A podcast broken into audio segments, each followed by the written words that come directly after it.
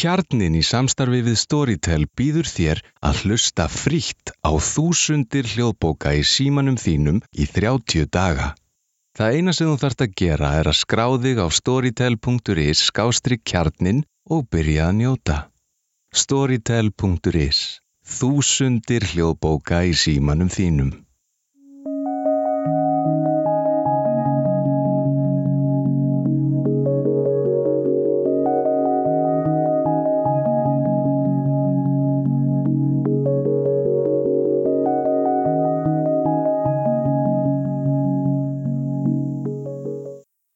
Góðu hlustundur, þið eru að hlusta á Pottersen sem er hlaðvarp um Harry Potter og við erum saman sískinin hérna Bryndís Freyja Pettersen og Emil Hjörvar Pettersen. Halló? Hæ, við sitjum hérna saman aftur eins og síðast. Já, mér er þess að við skri, skrifborðið mitt þannig að maður er komið aðstöðu allt og, og við getum bara já, við erum saman að dútla okkur hérna og, og rætt Pottersen fram og aftur já. í marga sólarhinga Ég hvað, er, við erum svo satt hérna það er búið að vera smá svona gap, Já, eyða á milli þátt að það er komið jól síðan og við náðum ekki að taka upp hana fyrir áramótin eins og við tökum í seinasta þætti. En það er svo sem í lagi. Við bara, fær, fær smá jólafrí og svona. já, þannig að við reynum að gera þetta núna á tvekja vikna fresti og, og hérna komumst kom, komumst hérna áfram í sjöttu bókinni og svo tekur sjönda við. Já. og við erum komin á sjötta kabla í, Í sjöttu bók. Já.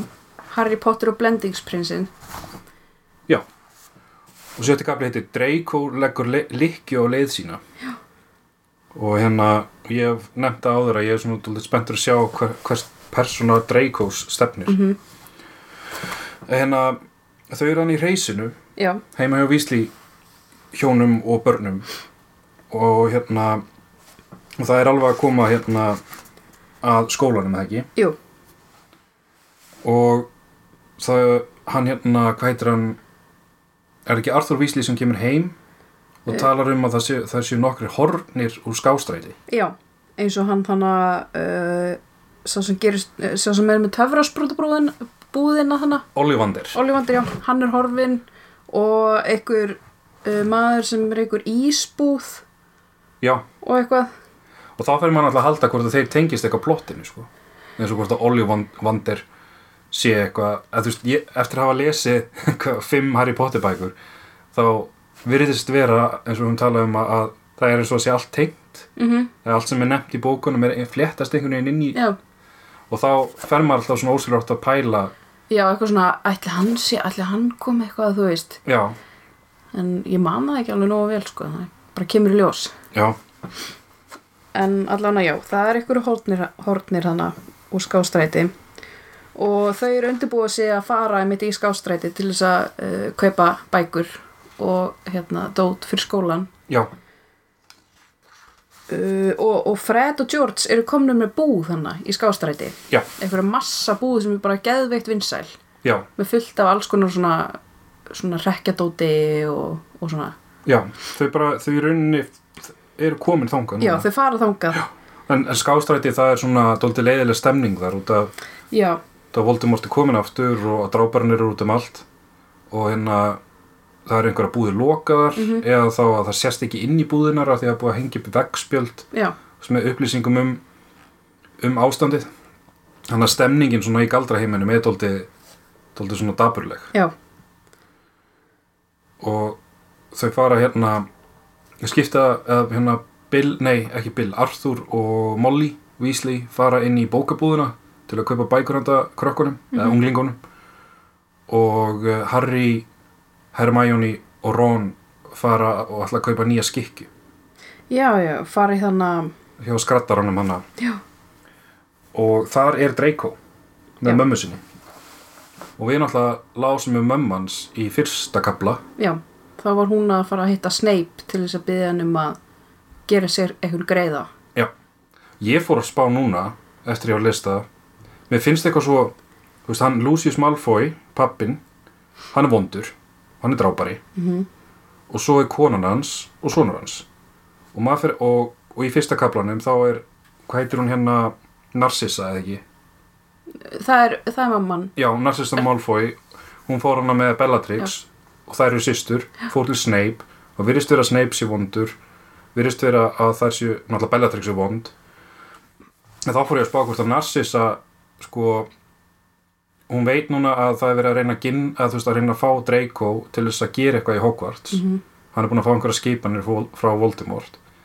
En þá fyrir maður að spá hvort að Narcissa sko sé að reyna að blekja Bellatrix systur sína sem er alvöru vond að hvort að Narcissa sé hún verður að spila með af því að maðurinn hennar er drápari var drápari og það er verið að byggja son hennar um eitthvað og systur hennar er drápari hvort að Narcissa sé með eitthvað svona plott til þess að reyna að bjarga Draco frá myrkuöflunum.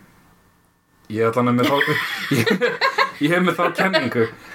Þetta er rosa pæl já, að því að mér finnst eitthvað svo mér finnst eitthvað svo of hérna straight for, að þú veist það er einhvern veginn of einfalt að öll fjölskyldan sé Já, vond allir séu vondir að sé, Já. hlýtur að vera einhver sem er svona eitthvað ekki alveg all in, sko. Já, Já, þannig að þetta er mín kenning og að Narcissa Malfoy sé að reyna að hún er först á milli steins og sleggju að hún getur ekki annað heldur en að spila með og hvort hún sé að reyna að koma síni sínum undan.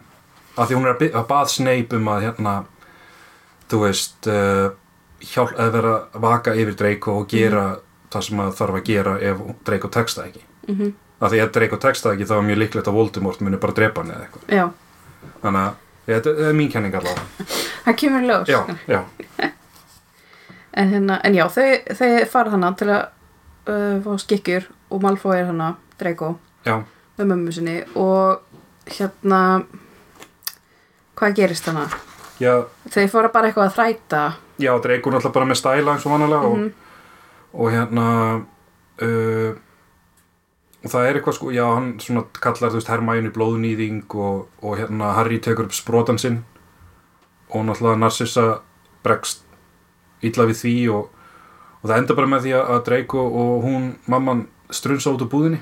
Já, og Harry finnst það svo skrítið að því að Draco er eitthvað svona uh, svona að því að hún þannig sem er að gera skikkinu hans ætlar eitthvað svona að taka í handlegin á honum og hann svona kippir handlegnum frá eða eitthvað? Já, vinstri handlegin vinstri handlegnum. Mm og Harry finnst það eitthvað smá svona eitthvað, eitthvað grunnsalegt sko, að fara að pæl, pæli í því setna sko. já, hann pæl, pælir í því núna aðeins setna sko, akkurat en þau hérna og svo faraðu eftir þetta bara eitthvað hérna í búðina hjá Fred og George, eða ekki? Jú, Hitt, hitta mömmu, eh, hitta sérst frú Weasley og, og Arthur Weasley Já. og Ginny.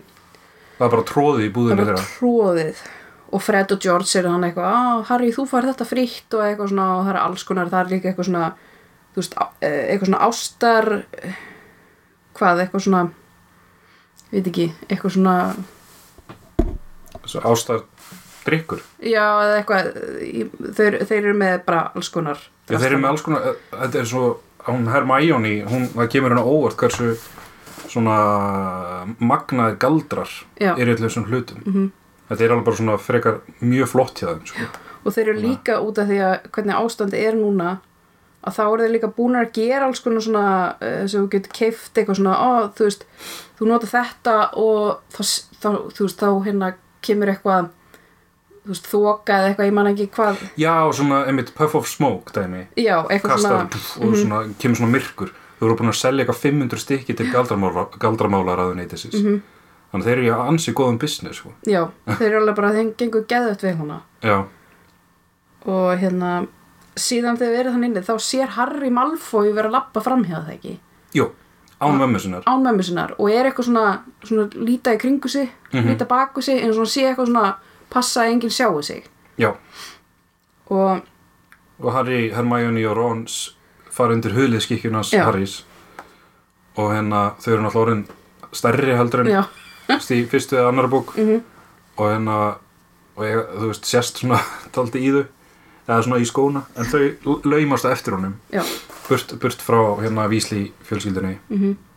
og hann fer þannig inn í búð í húsasundi á, í skástræti sem heitir hérna Hli, hérna Nocturne Alley hjá mér er ekki hlikkjastræti Jú, hlikkjastræti, já. það er svona fyrir, þú veist, það sem það sem þú kaupir hluti sem tengist myrku öflunum Já, en af hverju er það leift? ég, vei, ég hef einmitt pælt í þessu bara eitthvað svona, er það bara eitthvað þú veist, bara accepted þú veist, bara eitthvað, já, þú getur keift slæma hluti þarna Já. og það er engin eitthvað svona endilega fylgjast með, já, þú veist nei, þú ert alltaf ungur til að vera hér. Já, og bara eitthvað, veist það, geða skrítið. Það sé bara eitthvað svona, já, ok þannig eru bara vondir hlutir. Já, og Jú. geða þetta nálægt líka, þú veist, skástræti eða þú veist, það sem krakkar, Krakkar eru að kaupa fyrir skólan og það er bara eitthvað svartagaldur strasl bara á hérna í næstu götti Já, já, já. skrítið en búðin heitir Bor Borgin and Burks já, sem að hérna selur svona alls konar svona artifacts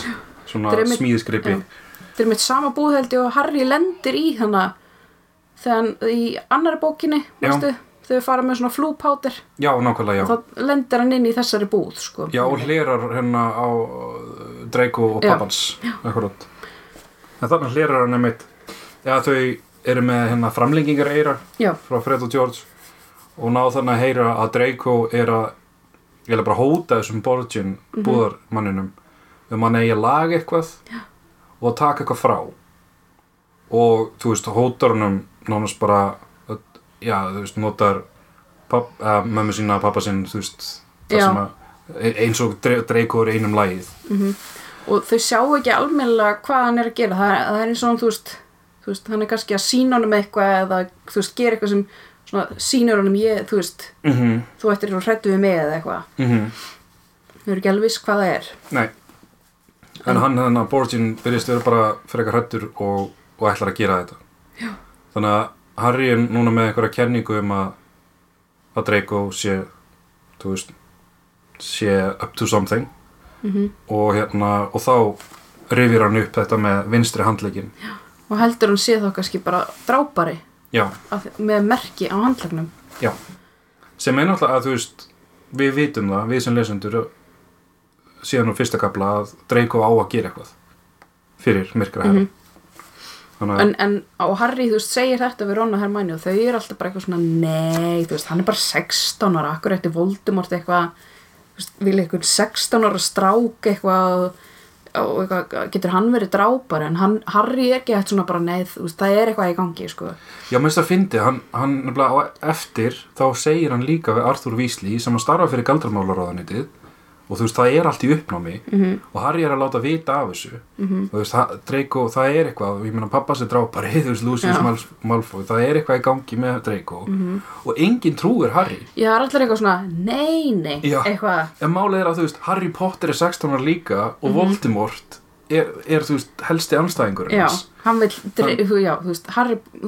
drepa Harry að því Harry er, þú veist, öflugur akkur getur veist, og líka svona með hvernig hlutinir er núna ætli Voldemort sé ekki þú veist reyna að fá eins marga til sín hann getur. Akkur ekki einhvern 16 ára strák það líka? Já, og akkur ekki að taka mark á Harry Potter sem er búin að standa anspænir svo öllu þessu? Já, og er örgulega með gott svona sens fyrir því hver, hverjir eru, þú veist, með Voldemort og eitthvað. Það er allir bara eitthvað, nei, nei, hættu þessu bulli eitthvað, Já.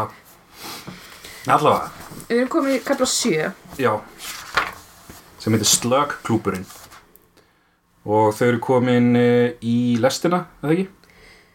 Jú, að fyrst er hérna mm, mm, Í Hogwarts lestina.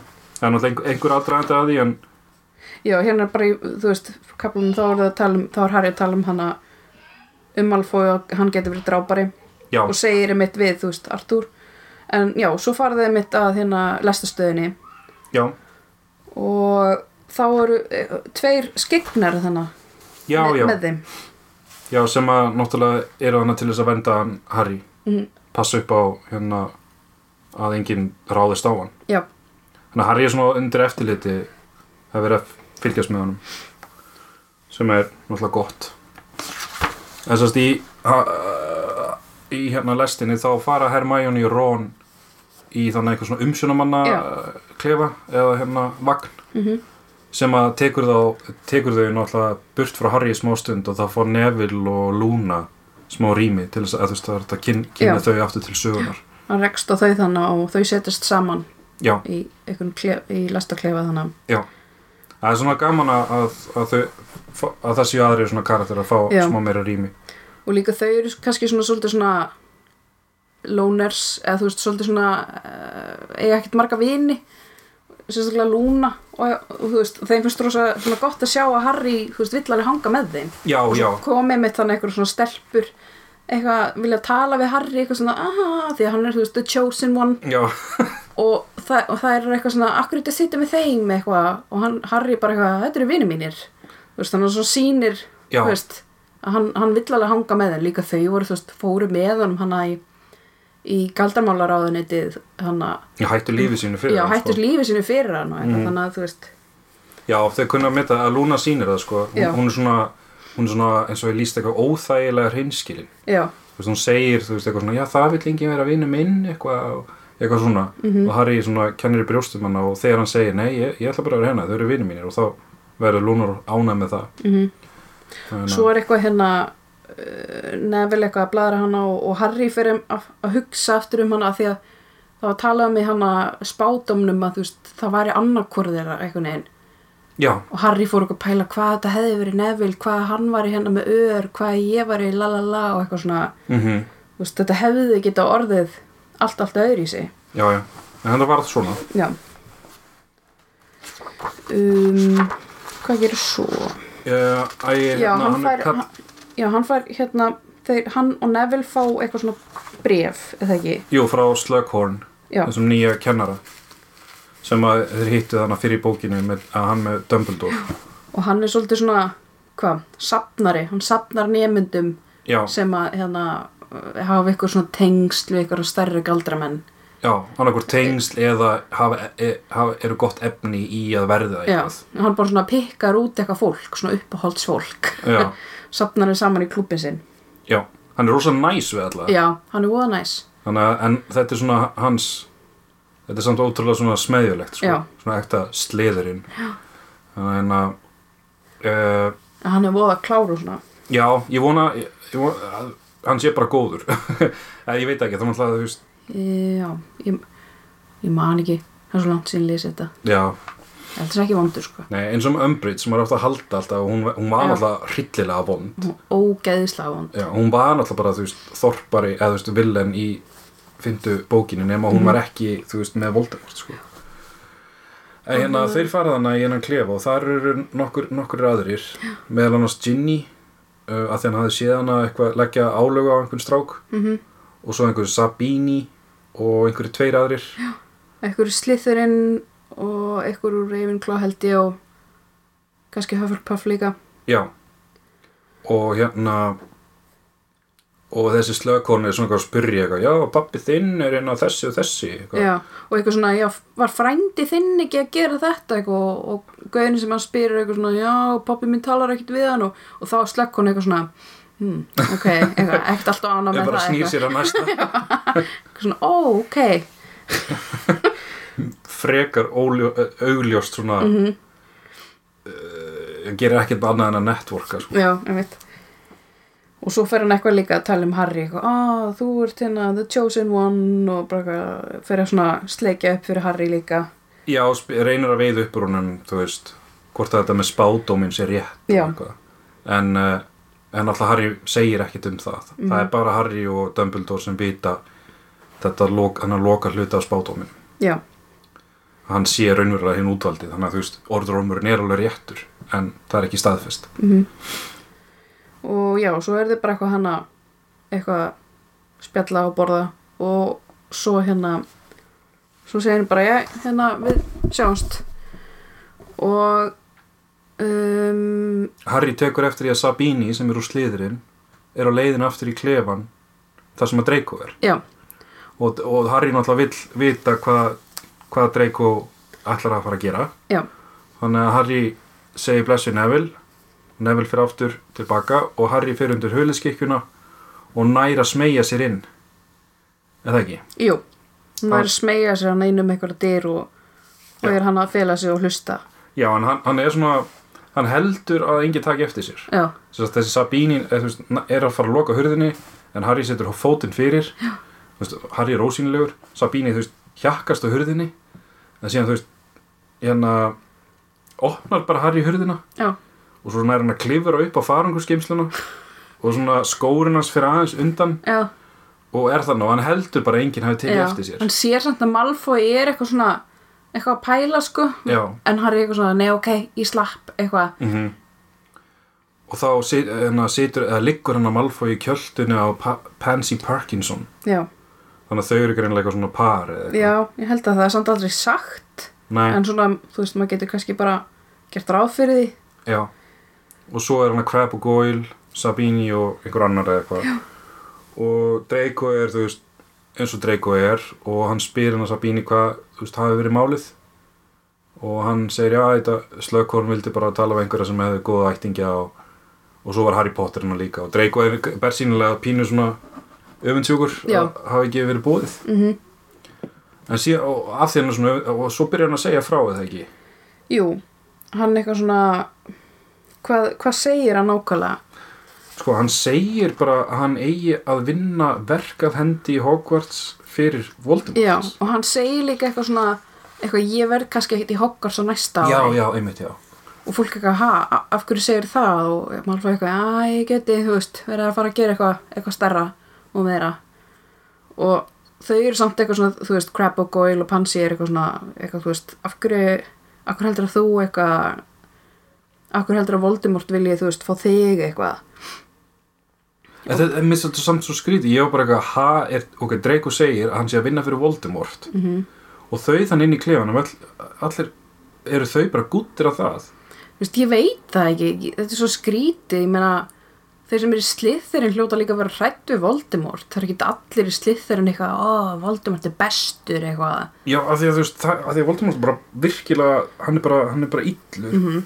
Af hverju ættu Hogwarts og Galdraheimurinn að púka upp á krakka í sliðurinn sem að vilja snúast til myrkur, myrku afluna? Já, einmitt, akkur ekki gera eitthvað í, akkur ekki, þú veist, reyna að gera eitthvað í þessu, Já. þú veist, eða sjáðu þetta ekki bara, ég, veist, ég veit það ekki. Já, af því að af því að öll hann inn í, inn í vagninum sem að Draco er í, þau, þau bara þau dásta því sem að Draco er að segja. Mm þannig að maður bara eitthvað býtu akkur er ekki gert eitthvað í þessu Já, þannig að hérna um, en svo er, er, er hérna en kannski kemur eitthvað í ljós. Og ég, ég er með, líka með kenningum um Draco að, að, að, að ég veit það samt ekki það, það kemur í ljós. En það sem ég er að spá er ok, lestin er að koma til Hogwarts og, og Harry er ennþá upp á faringu geimslunni og hérna og þegar Crab eða Goyle næri töskunni sína Mhm. þá svona slengist það í höfuð á, Harry og hann gefur frá sér smá hljóð já, og Draco líkitur upp en lítur sinni tilbaka. Harry heldur ennþá að enginn Já. taka eftir sér. Hann er svo eitthvað svona, hann er svo eitthvað, heldur hann sé bara eitthvað, ó, yes, ég slapp, en þú veist, hann veit ekkit, og svo náttúrulega, þú veist, kemur í ljós að Draco er þannig eftir þegar þau fara á lestinni. Já, og hann svona dregur fyrir klukkan og hérna eitthvað svona hvað tekur huliskikkin af Harry? Nei hann, hann, hann, Nei. hann, hann næri ferðartöskunum sína eða koffortið. Já, og beigir sig yfir það. Og Harry eitthvað, vá, nú kemur í ljósi eitthvað sem hann er með. Já, og það er alltaf bara snýst Draco sig við og kastar hann var að ná í töfrasprótan sinn. Já. og kastar svona Petri hvað heitir það, Petri Petrificus totalis. Já, já, og það er svona frís har, eða svona, já, hann svona stífnar upp. Harry er svona smá stundum heldur hann sé alltaf bara, þú veist, í já, að hann komast upp með allt. En Draco er klárar en, en, en þú veist, maður á að halda held ég. Mm hann er alveg klár. Þannig að hérna og hann hérna bara stappar eitthvað á andlitin hans Harry ég bara sparkar í það Já, sparkar í það bara og, svakalett brýtur á ne nefið já, það hann bara, já, og setur síðan aftur huliskikkjun á hann hefði ekki? Jú. Þannig að Harry liggur hana stí, stífur mm með blóna sér og sérst ekki. Já, en það sem ég ætlaði að segja á hann er af hverju, ef, sko, ef Drake og Draco segi við Harry, ég vissi alveg að þú væri hérna, þú veist, þegar, þegar var verið að opna hurðina, ég, síndist glitta í eitthvað mm. -hmm. áðan þannig að Draco hefur vita af því að einhver væri að liggja á hleri já, og hefur síðan verið að, og síðan er hann að segja að hann sé að vinna fyrir myrkaherran þannig að þannig að þannig er ég með kenningu um að Draco og Narcissa það sé eitthvað, að þetta sé ekki svo einfalt að, Já. að hann sé bara að vinna fyrir myrka, myrkaherran sko. af því að líka ef hann ætti að til dæmis að drepa Harry Potter akkur drapa hann ekki þannig mm eða eitthvað svoleiðis já, gett skrítið sko ef hann vill halda þessu eitthvað leyndu þetta á að vera eitthvað, þú veist, eitthvað big secret þetta, þetta Mhm. hérna verkefni og hann veit greinilega að Harry er þannig og er síðan gett að hafa fyrir að að ræða þetta á þessum stuttu, tíma Já, já. þannig að þá fyrir hann að tala um þetta já, þú veist, ég er með stærri og betri verkefni fyrir höndum eitthvað svona Já, og líka bara, ef hann, ef hann veit að Harry, sem liggur hana, hann heyrði Mhm. að Draco vinnur fyrir Voldemort og síðan bara, ok, þú veist, setur huluskikkinu aftur yfir hann og Harry fer burtu með lestinni en Harry á eftir að komast aftur í Hogwarts. Og hann mun, mun reyna að segja allum frá þessu, Dumbledore. Já. og þannig. Akkur eftir Draco að taka þann séns? Þannig að, þú veist það, það hlýtur að koma eitthvað meiri, meiri ljós, þetta er ekki svona einfalt. þetta er flóknar en þetta er. Lítur út að vera sko. Já, uh, þá erum við, já, sem sagt Harry liggur hana bara. Já, ósynilegur já. Í hérna lestinni og þá erum við komin í, í kapla 8 mm og Harry er bara að hugsa bara ég hef aldrei hatað Malfoy eins mikið og núna. Já, bara vá sko. En hún kemur inn á Tonks. Já, hann liggur þannig bara eitthvað og heldur hann sé bara þú veist að fara aftur til London og enginn muni taka eftir í og þegar einhver tekur eftir í loksis að hann sé ekki hann þá sé á seint og eitthvað. Já, og svo, einmitt já, svo, svo hérna kemur Tonks Já. eftir á hann huliskikkinni og lagar á hann um nefið og eitthvað. Hún sem sagt hérna heldur til í Hogsmeade. Já, hún, var, hún er svona einn af einhverjum skignum með, sem er að passa Hogwarts en þau eru í Hogsmeade sko. þannig að hérna hún fer með hann uh, upp að Hogwarts. En það er, það er hliðið læst það er allir nefndunum farnir inn. Og það er náttúrulega ekki hægt að nota Alhóa Mora mhm. á hliðið um, og Snape kemur og Snape er alveg rosa illkvitti náttúrulega og það er eitthvað svona, ég man ekki þú veist, að Tonks, hún er eitthvað svona gett uh, ólík sjálfri sér Já, hún er svona er illa til fara og, og, leið. Það er, er því hún kennir sér um dauða Siriusar. já, og það er eitthvað svona og, og Snape seg, er svolítið svona eitthvað illkvittin við hana og eitthvað og hann er svolítið leðileg við hana Já, já, hún er leiðileg við alla, sko. Já, hann leiður alla. Allavega, Harry segir bless hana við Tonks og fer með Snape og Snape alveg bara lappar með honum hana og er bara andstyggilegur eins og alltaf. Já, já, náttúrulega við vitum núna, þannig allan úr fyrsta kapla, við, það þú veist, Snape hann að tóka á móti systrónum og, það og það er eins og hann sé að vinna fyrir myrk, myrkara herran, en við vitum það ekki alveg. Þannig að- Ég veit það. Já, en mér, að sko, þess að ég segi, ég séð eina kvikmynd einu sinni, Manst eitthvað hefur séð þessa mynd? Uh, nei, ég man, ég man ekki eftir henni Það gæti verið að ég hafi ekki síða sjöttu mynd eða þessa mynd sko. uh, En ég man að Snape, þetta er ekkert svo einfalt sko. Þetta er allt. hann, er, hann er alveg rosalega svona mikill double agent sko. Mm, Þannig að það kemur í ljós ég, þú veist, ég, ég forðast spoilera á netinu en sá eitthvað í Facebook feedinu mínu um daginn eitthvað Snape eitthvað was he good or evil eða eitthvað svona. Já, það er eins og hafi aldrei aldrei verið lending með það en það kemur, ég vil ekki vita alveg. ekki íta á neitt og nei, akkurat sko, þetta, er- skrolla fram hjá öllu og sér Harry Potter eitthvað. það er Harry Potter alltaf, já, vinsælt og Já, maður bara, það er vera, alltaf eitthvað allstaðar, vera eitthvað, eitthvað kenningar, eitthvað með eitthvað kenningu, eitthvað Hagrid hafi verið drápari og eitthvað svona bull sko ég held að fólk var, já, það er svona far-fetched sko. Mhm. og þú veist það er ennþá með eitthvað svona að pæla í þessu, það er svo fyndið já, er ég á kannski að nefna það að, veist, skoðanir Rowlings á ímsu sem að koma upp, mm -hmm. það hafa verið svona einhverjum skandalar. Já. að við erum ekkert að spá í því, við erum bara Nei. að spá í við erum bara að tala um söguna já, Þannig að uh, en þú veist við, þó, þó við séum ósamála og allt þetta Já. að hérna uh, að við skoðum bara söguna Já. Herra allavega Já. í, býtunu við aðeins stráðin uh, já, Snape er hann að labba með honum já, akkurat og, og næra að vera ekstra andstyggilur með honum og meðan hann labbar með hann já, og Harry er náttúrulega ekki komin í sko, skólaklæðina en eða neitt. Nei. og Harry, já, Tonks lagaði á honum nefið. Já, hann er samt ennþá blóður Já, já, hann fattar það ekki sko, hún- var ekki að segja um það. Þannig að hann lappar hann að, þú veist, það er allir krakkarnir komnir inn og, og hann misti af hérna flokkunarhattinum. Mhm. og þá náttúrulega líti allir á hann og hann svona bara hraða sér til Hermione og, og, og Rons á Gryffindor borðinu hvað ætli krökkunum finnist þannig og það sé alltaf eitthvað svona Harry kemur eiginlega aldrei á réttum tíma Nei, og- það er alltaf eitthvað svona alltaf eitthvað tengt honum eitthvað, ó, hann, hérna nafni hans og dreigð í eldbyggunum. Lalala, Harry þetta, Harry hitt. Og svo lappar hann hana inn eitthvað setn eitthvað og Já, við höfum, náttúrulega- við höfum talað um það en síðan var þetta aldrei tæklað í hérna uh, fimmtubók, er það ekki? Þú veist, hann, hann, hann er svo brjálaslega uppstökkur í fimmtubók já, hann er, hann er hann er eiginlega bara já, svo bók er eiginlega dálítið svona mikið að, að hérna fjallar um hann svona erfiðleika sem, og partur af því er, er þetta öll aðteklin sko. mhm, og hann held sér alveg einu svona tvisar í bók já, allána tvisar, það sem að hann svona öskrar á fólk eitthvað, þið veit ekkert hvernig þetta er að vera miðpunktur aðteklinar Já, alltaf, Þetta er þetta ég ekkert, vil sko. þetta ekkert sko, og eitthvað svona hann veginn lendir samt alltaf í því að fá aðtegli, já, já, sama hvað. Þá, já, og það er kannski eins og hann sem búin að sætta sig við það, hann er ekki að kippa sér eins mikið upp við það. Mm. hann, eitthvað svona, hann lappa svolítið hratt hana inn og nær svona já, eitthvað að setjast áður en allir geta fara að stara hann. Mhm. Að hann er þú veist með blóð hann að framan í sér og Hermæni og Ron er bara hvað gerðist og eitthvað?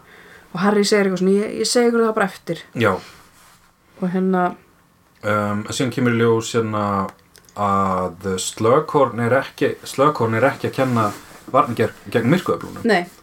Og Harry hafði gert ráð fyrir því. Dumbledore sagði hann bara að þetta væri nýr kennari þannig Mhm. að Slughorn er nýr töfradrykja hérna kennari, Já.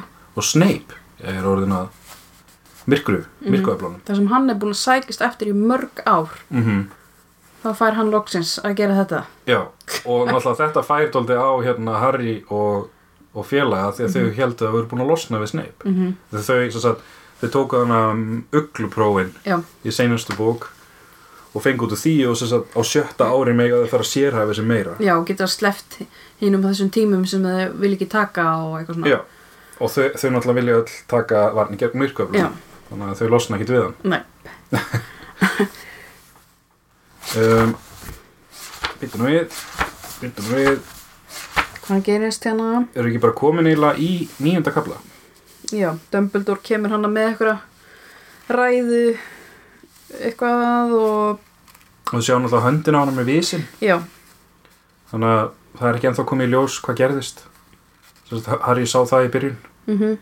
Og náttúrulega það hefur náttúrulega þú veist þá að vera hægt að lækna svona eins og að vera hægt að lækna hérna nefið á, á hérna Harry. Já.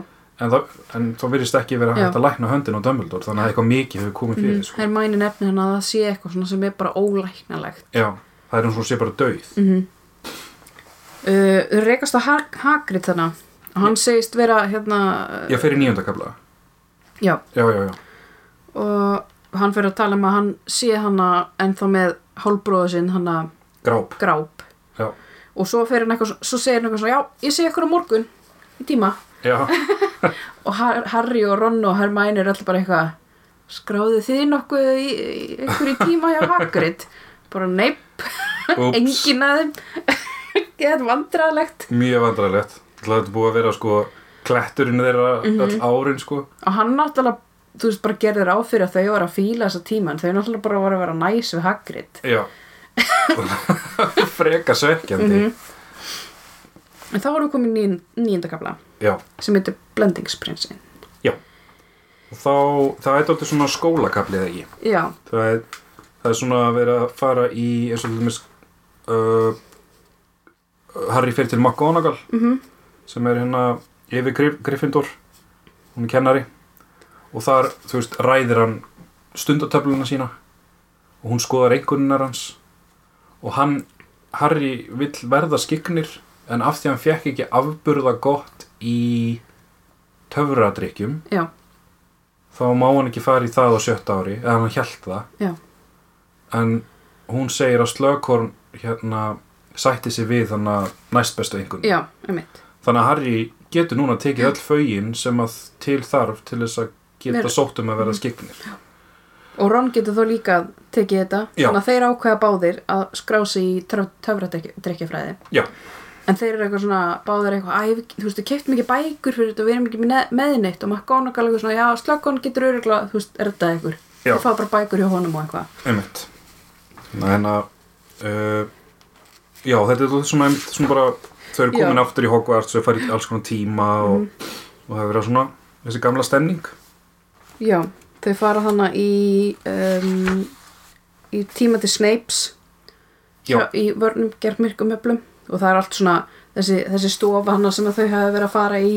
Núna svona með svona Snape lúki allt svona dimmt og svart eitthvað neginn og, mm og en hann er svona, þú veist hann, hann getur kent þeim eitthvað. Mm -hmm. að það er, hann er búin að hengja málverk af fólki sem að hefur verið, þú veist, lostið kvalabölvun og stýribölvun og, og öllu þessu, sko, og hann svona er en það, hann talar svona eins og Harry túlkar það af einhvers konar virðingu fyrir myrkaflónum hann talar svona eins og þetta sé eitthvað svona svo líka alltaf, hann talar, hann segir ennþá alltaf svona dark lord eh, segir, hann er Já, hann segir er myrkraherra, sem er eins og þetta sé skrítið. eitthvað svona, þú veist, hann líti upp til hans. Já, Voldemort, einmitt. Í staðan fyrir að segja you know who eða eitthvað eins og allir aðrir. Já, þú veist, að segja myrkraherran, það eru bara náttúrulega undirmenn Mhm. Sem gera það, þannig að það spyrir hvort hann fatt ekki að hann sé að segja þetta. Já, þetta er kannski bara vani. Já, að en svo var- kannski er ekkit aðrir að pæla í þessu eins og Harry. Ég veit það ekki, að, að Snape sé eitthvað að tala um hinn myrkra herra. Nei, einmitt, það myndi, myndi allan að vera alltaf skrít, ef mann myndi, finnast það skrítið. Já. Allan hann, og svo fer hann að kenna þeim um, non-verbal Já, svona, non-verbal að- þannig að þú getur lagt álögu á eitthvað án þess rauninni segja galdurinn. Já, og verja það líka. Já, sem að geta verið, þú veist, ef það er bundið fyrir munina aður eða eitthvað. Já, Þannig að, þannig að þau eru að æfa sig í því þannig í tímanum. Já. Og það er líka hann hérna, Harry er orðin uh, hérna fyrirliði Quidditch-liðsins. Já, en, en tíman hjá Snape Já, þá sorry. hérna uh, þá já, Harry svona talar svona, svona kemur með svona þú veist eitthvað hvað, já, Harry er að reyna að æfa sig í þessum hérna non-verbal spells en segir eitthvað og Snape eitthvað þú vissir ekki að við verum að æfa okkur í þessu? Og Harry segir eitthvað jú. Og Snape segir jú, yes sir. Og Harry segir there's no need to call me sir professor. Já, Kemur já, svona, svona comeback skilur og Snape náttúrulega verður bara eitthvað gett reyður og, og vill fá hann í hennar eftirsetu. Harry, Harry er alltaf að næla sér í eftirsetu. Hann er bara svo, hann er svo mikið kjaft. Já, þetta er algjör kjaftur, sko. Hann þarf ekkert að, að, að gera þetta, sko. Og líka við Snape það gerir bara svona hlutina verri sko. Emitt, hann ræður ekki alveg við sig. Nei já, hann er sagt hann að fyrirlegi Quidditch og það er að vera æfingar. Já, hann, hann, hann beri ábyrð á, á inntökuprófunum líka. Já, þannig að, að hérna, og það ásist ekki vera sjálfsagt að þeir sem voru árið og undan komist í liðið. Já, það þurfa allir að fara í test. Já, og hann og Ron alltaf, þú veist, þarf að gera það líka. Og hann má ekkert mismuna þannig að það er áttur að koma í ljós það er allir að fá því. sjens Mhm. og hann fær bref frá Dumbledore.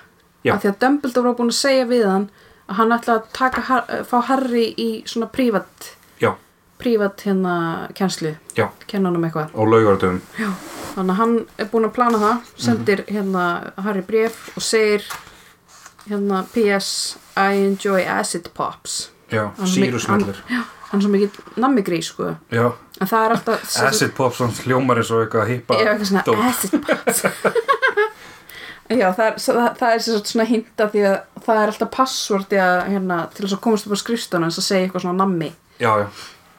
Það er búið að vera alveg síðan í fyrstu bókinu Já. Bara í fyrsta kaplanum þá er hann að borða einhverja sítrónukökur. Já. Hann er svo mikill karakter. Já. um, Já, svo faraði í töfradrykja gerð hjá eða töfradrykja tíma hjá honum hérna slökkorn Mhm. og það er alveg uh, svona langar og flotta lýsingar á því. Þar er hann með sko þar er hann búinn að stilla upp hérna nokkrum uh, pottum með Já. svona gulli og Hermæjunni náttúrulega veit all, veist, allt saman sko, hvað Já. þetta er en málið er að eil, nánast allir þessi drikkir hafa komið fyrir í Harry Potter bókunum eins og hann að ummyndunadrykkurinn Mhm. og, og það var eitthvað annað mm, mm, mm, mm. það, það var allan einhverju tvei drykki sem að Já. þú veist, hafa komið fyrir í bókunum Mhm. Sem að þeim, til dæmis eins og ummyndunadrykkurinn þeim tókst að blanda hann, þú veist, á öðru ári. Já, þannig að hérna, þessast krökkunum án þess að vera búin að læra það. Og slökkurinn er rosa hérna hissaði eitthvað. Hermæni veit mikið. Já, og hérna og fattar þá að þetta sé hérna vin, vinur Harrys sem hann talaði um að því að, að, að slökkurinn er greinlega svona með smá svona fordóma gangvart hérna Muggleborn já, sko. einmitt já náttúrulega slithir inn og svona og þeir eru vi- vilja hafa bara hreinrækta galdramenn. Já, en þá sagt svona fattar hann ok, þú veist Hermæni, hún er alveg bara hún er bara gáðast í nefndin já hann segir að einmitt, og þá fattar Hermæni býtu, og segir að kvíslar Harry býtu, varst að segja honum að ég sé þú veist, klárasta klárasti nefndin í árganginum? Mhm. Harry bara, já, þú ert það. Og hún er alveg svona upp með sér. Þannig hérna þau eiga sérst að já, af því að hérna Harry og Ron er ekki með einu skólabækur fyrir, fyrir þessa tíma. Já, og þá fá þau lánaður einhverjum skáp. Og þau eiga að blanda saman hérna búa til drikk sem heitir Felix Felicis. Já, sem er svona lukkudrykkur. Já, ef þú drekkur hann þá hérna, þá hefnast þá hefnast allt sem þú tekur þig fyrir. Já. En þe- hann er bannaður samt í svona eins og íþróttaleikjum og alls konar þannig. Og getur bara tekið hann ykkur svona hverstas Já, akkurat. Býta, ég að blanda hann. Fengu, fá nei, nei, nei, djók, þeir fá hann Í verðlaun, eða? já, í djók, þeir fá hann í fyrir- eitt, eitt, eitt, eina litla flösku. Já, Sá fyrir að- það að blanda rétt um, hvað? Ég manna ekki alveg. Það er kannski aukaðri Að bara blanda einhvern hérna af drikkjunum rétt og svo sem að blandar að réttast að hann fær þessa litlu flösku í velun mm sem, og þá er náttúrulega, þú veist, það vilja allir og Draco er hann í tímanum og hann leggur sér allan fram. Já, þú veist, að því að þú ef allt hefnast hjá þér í einn dag það getur náttúrulega verið dálítið gott. Og náttúrulega ef Draco er up to something já, að þá náttúrulega ef hann drekkur þetta þá hefnast allt hjá hann. Þannig að Harry vil koma í veg fyrir það og, og, og hérna og þau hérna, að blanda hérna drikk sem heitir Draught of the Living Death já, hva, hvað gerir það?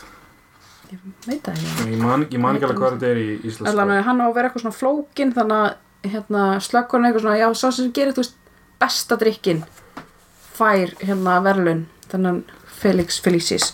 Nákvæmlega. og hérna, En síðan kemur í ljós að í bókinu hans Harrys þá er búið að skrifa og króta yfir. Já, og, alveg rosalega mikið bara búið að króta yfir allt eiginlega. Já, og, og verður svona að skrifa, þú veist gerðu þetta frekar, þetta hérna eh, eins og hérna eitthvað, þú veist. Eitthvað merjið gau- já, mer, ekki, ekki hérna, þú veist ekki skera þetta heldur, þú veist kreistu þetta eða eitthvað og merja þetta.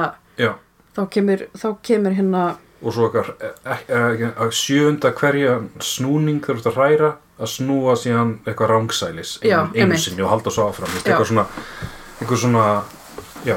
Allt annað en bókin segir í- alvörunni. Mm og hérna, Harry fer eftir þessu og já. Og hann gerir sko, Hermione er hann að gera mjög góðan drikk en Harry er að gera ennþá betra. Og Hermione er bara eitthvað, hvað hva er þetta að gera? Hvernig gerir þetta? Og Harry er eitthvað svona, já ég er að gera þetta eitthvað. Og Hermione bara, nei, þú veist það, þetta stendur ekki í bókinni.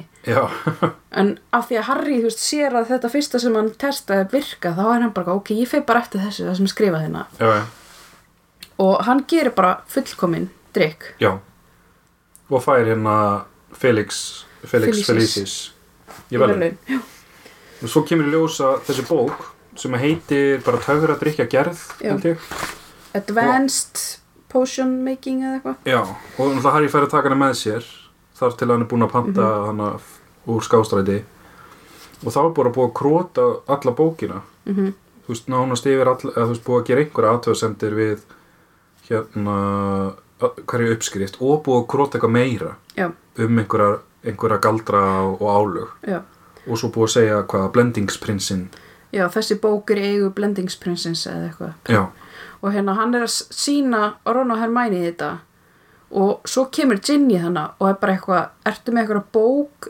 Þú veist, það sem einhver annar hefur verið að skrifa eitthvað, af því að hún náttúrulega lendi að fá hana þessa dagbók í annari, bó, í annari bókinni. Já, Trevor Delgum já, Tom Riddle. Já, Tom Riddle, já, hann heitir Trevor Delgum í íslensku til þess að, þú veist, ég er Voldemort. Uh og þá var hún undir álögum frá því og hérna, þannig að hún er svolítið svona skeptísk á að, að Harry sé að nota einhverja bók sem að verist vera eitthvað búið að krassa og króta í. Mm -hmm.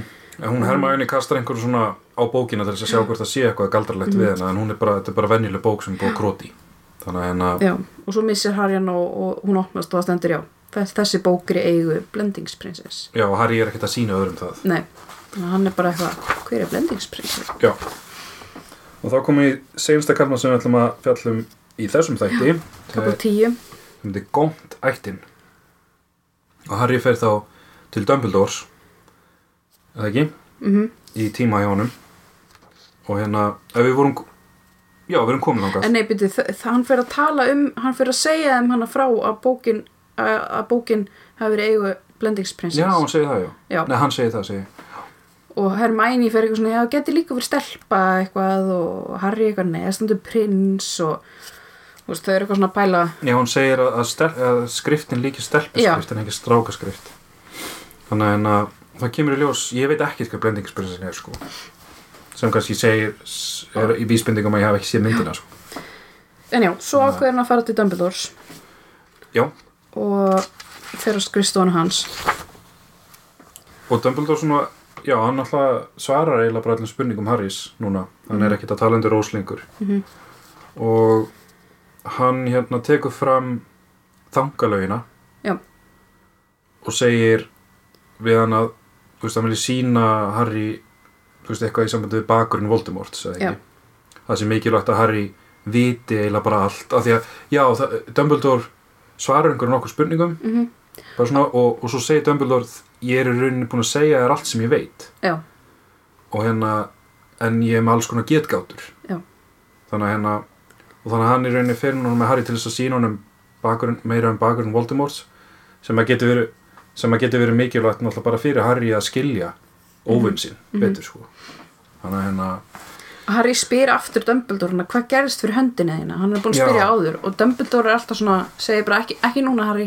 Ég, veist, ég útskrifta setna hann svona, það samt heldur einhver aftur að sig. Já, hann, hann veit aldrei hann, hann, þú veist hann hverju- gefur aldrei 100% sens á sér sko, hann svona Akkur segir hann, segir Já, hann ekki akkur getur hann ekki bara svona hann er eitthvað svona, nei, ekki núna, við erum að flýta okkur sko, við erum Já, að flýta okkur að hérna skoða þangarlegina, eitthvað Þetta þetta er alltaf bara fyrir okkur lesendur að Mhm, þú veist eitthvað vera svona spennt pæla meira, sko. já, já, já. og hann segir, við hefum hérna hitting með Bob Ogden Bob Oden, já. Ég man ekkert eftir þessu sko. Nei. Og þeir fara, fer- fara þannig inn í minning, að geta fylst með honum og fjarlag og þeir eru bara ósynlegir þess að Harry og Dumbledore bara eins og í fyrir bókum þegar Harry hefur farið hann í þangarlegina í fjóruðu bókaldi og hérna þeir fara þannig til litla Hang Hangld Hangleton já, sem að er það er ekki bærin sem að slökunum bjó í það ég held ekki Nei, en þetta er hérna bærin sem að er samt nefndur í byrjun á fjóruðbókar held ég. það gæti verið, ég man það ekki alveg ég man ekki hvað það er þessi svona, bæri svona heita prólóg í fjóruðbóka sem að Voldemort er í. já, var það Little Hangleton Ég held það. Ég held hann hafi verið á gamla ættarseturinu. Ok, Ég er samt ekki alveg viss. Ég, ég hefði átt að fletta upp fyrir þáttin en ég, ég manna ekki alveg. allana svo hérna sjá þeir hennan Bob og hann er að vinna sem hvað? Að hérna vinni hjá galdramálaráðuneytinu við svona ólulega no, galdranótkun. já, Þannig að hérna, hann er greinilega þú veist að fara að ávíta einhvern mhm og hann fer þannig að niður nýtu húsi í jæðri þessa þorps sem heitir Litla Hangleton. Mhm. og þar stekkur niður fár, svona bara ófrýnilegur ungur maður niður úr tré með útstæð augu og, og hérna allir einhvern veginn í keng ógeðslega svona ljótur og afskræmdur eitthvað. Og á, dyr, á dyrnar á hurðinni á hérna húsinu er búið að negla snák. Já, og svo, svo segir hérna þessi maður eitthvað sem að Harry skilur já, en Bob Ogden sem að er hana veist, sem, sem er hana raunverulega mhm. uh, skilur ekki. Þannig að þessi ungi maður er að tala snákamál. Já, og Harry náttúrulega skilur það. Já. Og, og, og þessi maður heitir hvað, Morphin Morphin, já. Og svo kemur út eldri maður sem að heitir bara Mr. Gaunt, eða ekki? jú, og er pappi þessara gau- hérna ógeðslega gaur sanna? Já, bara að farið inn já, og mér finnst þetta alltaf flott, flottur kapli að því að maður er bara eitthvað svona af hverju, hvað, þú veist, af hverju Dumbledore að sína hann Já, þetta? Ég var- ég, ég viss, ég myndi ekki eftir að Hangleton tengdist Voldemort þannig mm Mhm. hátt. Þannig að það er alltaf svona flott hvernig þú veist svona bara undir lókaplans þá fattar maður já, akkur maður er svona, ég var líka bara eins og ég segi, ég man ekkert eftir þessum kapla þú veist, ég man alveg eftir þessari bók, ég er alveg svona, þú veist, það vist upp fyrir mig þegar ég er að lesa bókina, en þessi kapli er bara, ég var líka bara, hvað, hvaða fólk er þetta? já, Af hverju er það? já Hver er þessi Bob og hver er þessi Mr. Gaunt og ég bara það veit, er bara ógeðslegt fólk ég bara veit ekkert hvaða fólk þetta er. Nei, eitthvað, ég ætla að sína þér hérna Harry Þetta eitthvað er komdu inn eitthvað- inn á eitthvað viðbjóðslegt heimili þar sem að það sem að þú veist að vera að misþyrma eða þú veist einhver, einhver maður á tvö börn sem eru þú veist uppkomin og hann er að misþyrma þeim nánast. Mhm. eða jú hann misþyrmi dótturinn náttúrulega eða þú veist hann, hann tekur hann að hálstaki og Já, dóttir hans hana, eitthvað með, með Ruby, mm. og þessi Bob Ogden er þú veist að segja herru, hann, eða, til að gera langa svo stutt og þá, þá þú veist það fer hann dóldi um svona á milli þeirra. Mhm, og hérna og hann er að segja að Morfin, sonurinn hafi verið að nota galdra gegn mugga. Já, eh, sem er ólulegt og hann vill, þú veist, fá hann í yfirheyslu og svona. En þessi Mr. Gaunt er ekki að taka neitt mark á því. Nei, hann hatar mugga, greinilega. Hann er bara eitthvað, hann er bara eitthvað bandbrjálaður þessu gaur. Já. og hann, hann eitthvað, vistu ekki hver ég er? Og sýnir hann með eitthvað ring og eitthvað hálsmenn sem, og segir að ringurinn eða hafi verið eigu si- Salasla- Salasar Salasar sliðurinn Já, eða þau séu síðustu eft- afkomendur eitthvað já, og þessi Bob Ogden er bara eitthvað svona, þú veist, hann er bara hann að vinna vinnuna sína, hann, Já, hann einmitt. veitur eitthvað sama eitthvað. Já, bara þú það skiptir einhver máli Svonuðurinn braut Já, Svonuðurinn það braut bara- lög þetta og bara, það þú þú Já, herðu ertu skildur slithurinn, herru, ég er farin. Já, Eitthvað, þú veist. en hérna, en já, og svo er hann að þessi dóttir hans hann að eitthvað, eitthvað svona alveg, eitthvað svona föl stelpa hana og hann er bara ógeðslega leðilega við hana. Já, og kalla hann að skveip Já, eins og hún sé, þú veist, ekki, ekki með neina galdrahæfileika. Nei, en hún samt, þú veist, hann segir henni eitthvað hvað, hún er að gera matinn eða eitthvað Mm eitthvað færið þetta til og hún, þú veist, færi það hún færi pottar og pönnuna til með göldrum Já. en þú veist, hún er svo stressuð og niður brotin og kúið Mhm. það mistekst og bara slingist í vegginu eitthvað Já, og, hann og tekur hann eitthvað hálstakið hana, já, og hún er bara eitthvað, uh, þú veist, Já, og í það? skipti þegar hann að ráðast á hana þá tekur Bob Ogden í taumana já, og þá er henni bara ráðast hann að feðgan er á hann eða ekki um, jú, það getur verið. Og hann er þannig, já, þessi morfin er líka hann bara eitthvað, eitthvað ógislegur, sko.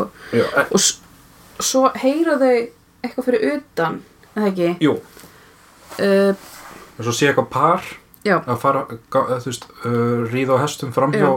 eða svona, veist, svona ríða hægt hérna eitthvað Tom og Cecilia.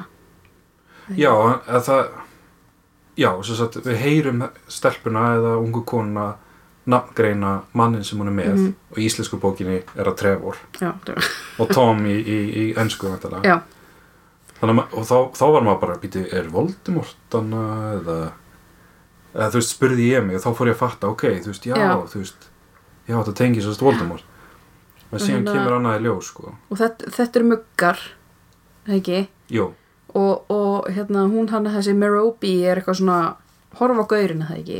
jú, hún er ástofangin á hann. Já, og þá kemur ljós að Morfin hafi verið að, er það ekki, árita hann, Jú, ég held að gaur, Jú, út af, út af, þú veist, hann er á móti muggum líka og eitthvað svona, og vill ekki að sýsti sín sé eitthvað hrefin eitthvað mugga, er það ekki? jú, nákvæmlega? Já, og pappin vissi ekki af þessu, og þegar, þegar Morfin segir frá þessu eitthvað, "Eh, eitthvað, þú veist, þú ert ástofangin að mugga eitthvað, eitthvað í þá áttina þá bilast. Já, hann bílast bara og kallar það bara, bara ógeð bara og, Já, já, og þá tekur hún nefnd um hálsin á henni og hérna, og þessi Bob Ogden uh, grýpir í taumana það ekki og það bara svona verða átök. Já, og Bob fer Já, hann flýr bara á húsið. Og svo segir Dumbledore, já, þetta er þetta er nóg, Harry, og þeir fara aftur hérna á skrifstofuna, segði ekki? Jú, já, þau hlaupa hana út, veist, þau hlaupa, feðganir og gont eða feðgarnir hlaupa eftir Ogden áður en hann fjarflist eða tilflist og hann hleypur fyrst á hestin hjá þessum Trevor held ég. Já, Æ, ég manna ekki alveg.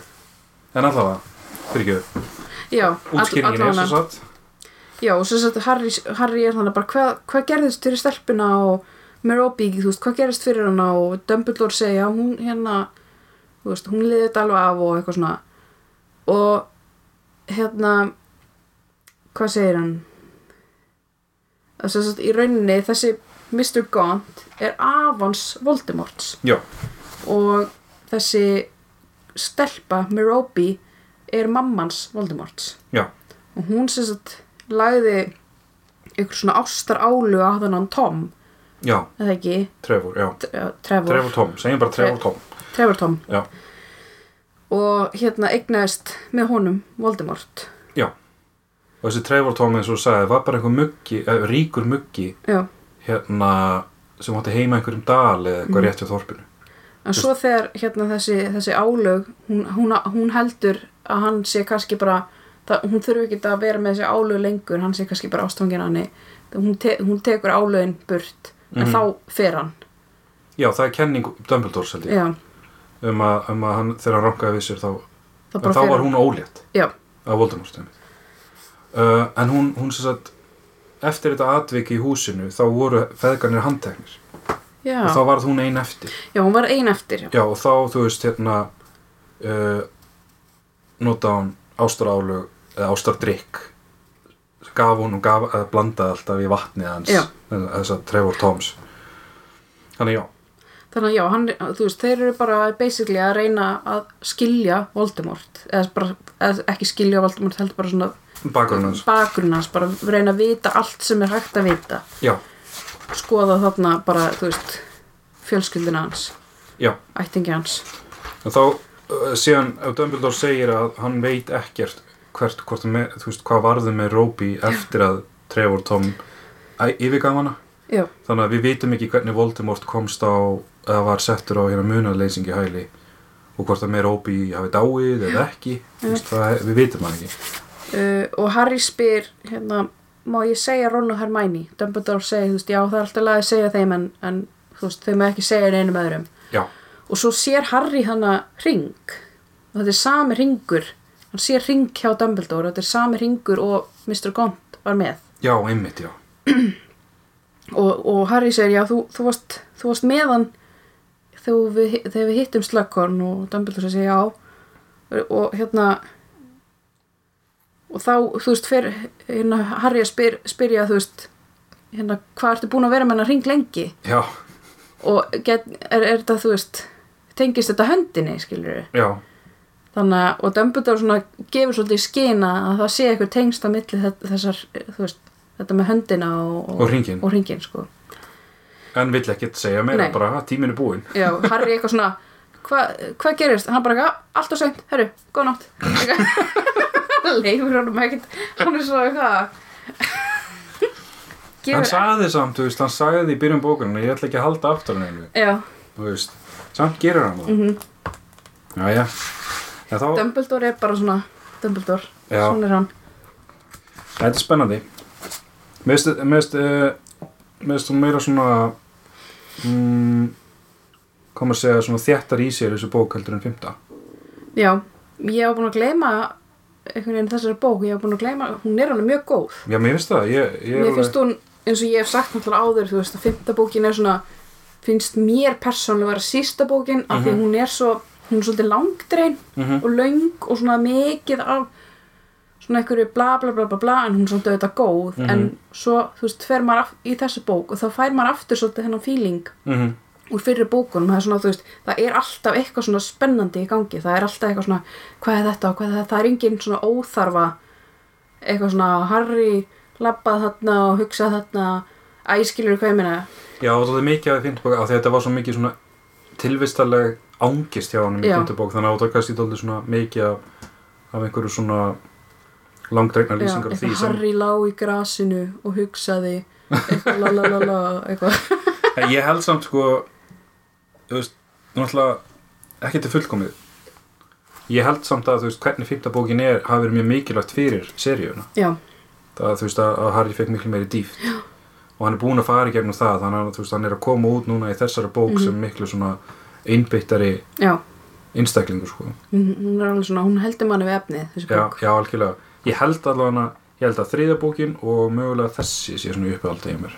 Ég er náttúrulega, við erum náttúrulega bara náttúrulega 180 eigum eftir að lesa sjöndu já, já, já, ég hlakka til sko. Já, hún er, ég, ég náttúrulega sko var orðin það gömul, ég man ekki hvernig, hvernig komin út þessi. Uh, á frumárinu kom hún 2005 getur það verið? Já, þá hef ég alveg verið sko 15 ára, þannig að ég hef alveg svona ekki verið eins mikil krakki lengur. Og þá, þú veist, ég mynd las þessa bók ekki eins oft hinar. Nei, en, en ég sé alveg núna, hún er mjög góð. Já. Hún er mjög svona þétt og mm það er svona ma, hún er auðilesin eða svona, þú veist, maður svona maður, mann leiðist ekki nei, nákvæmlega. Já, það segja þetta gott í bili? Já, og bara höldum áfram með Harry Potter og Blendingsprinsinn að tveimur vikum liðnum. Já, ok. Ok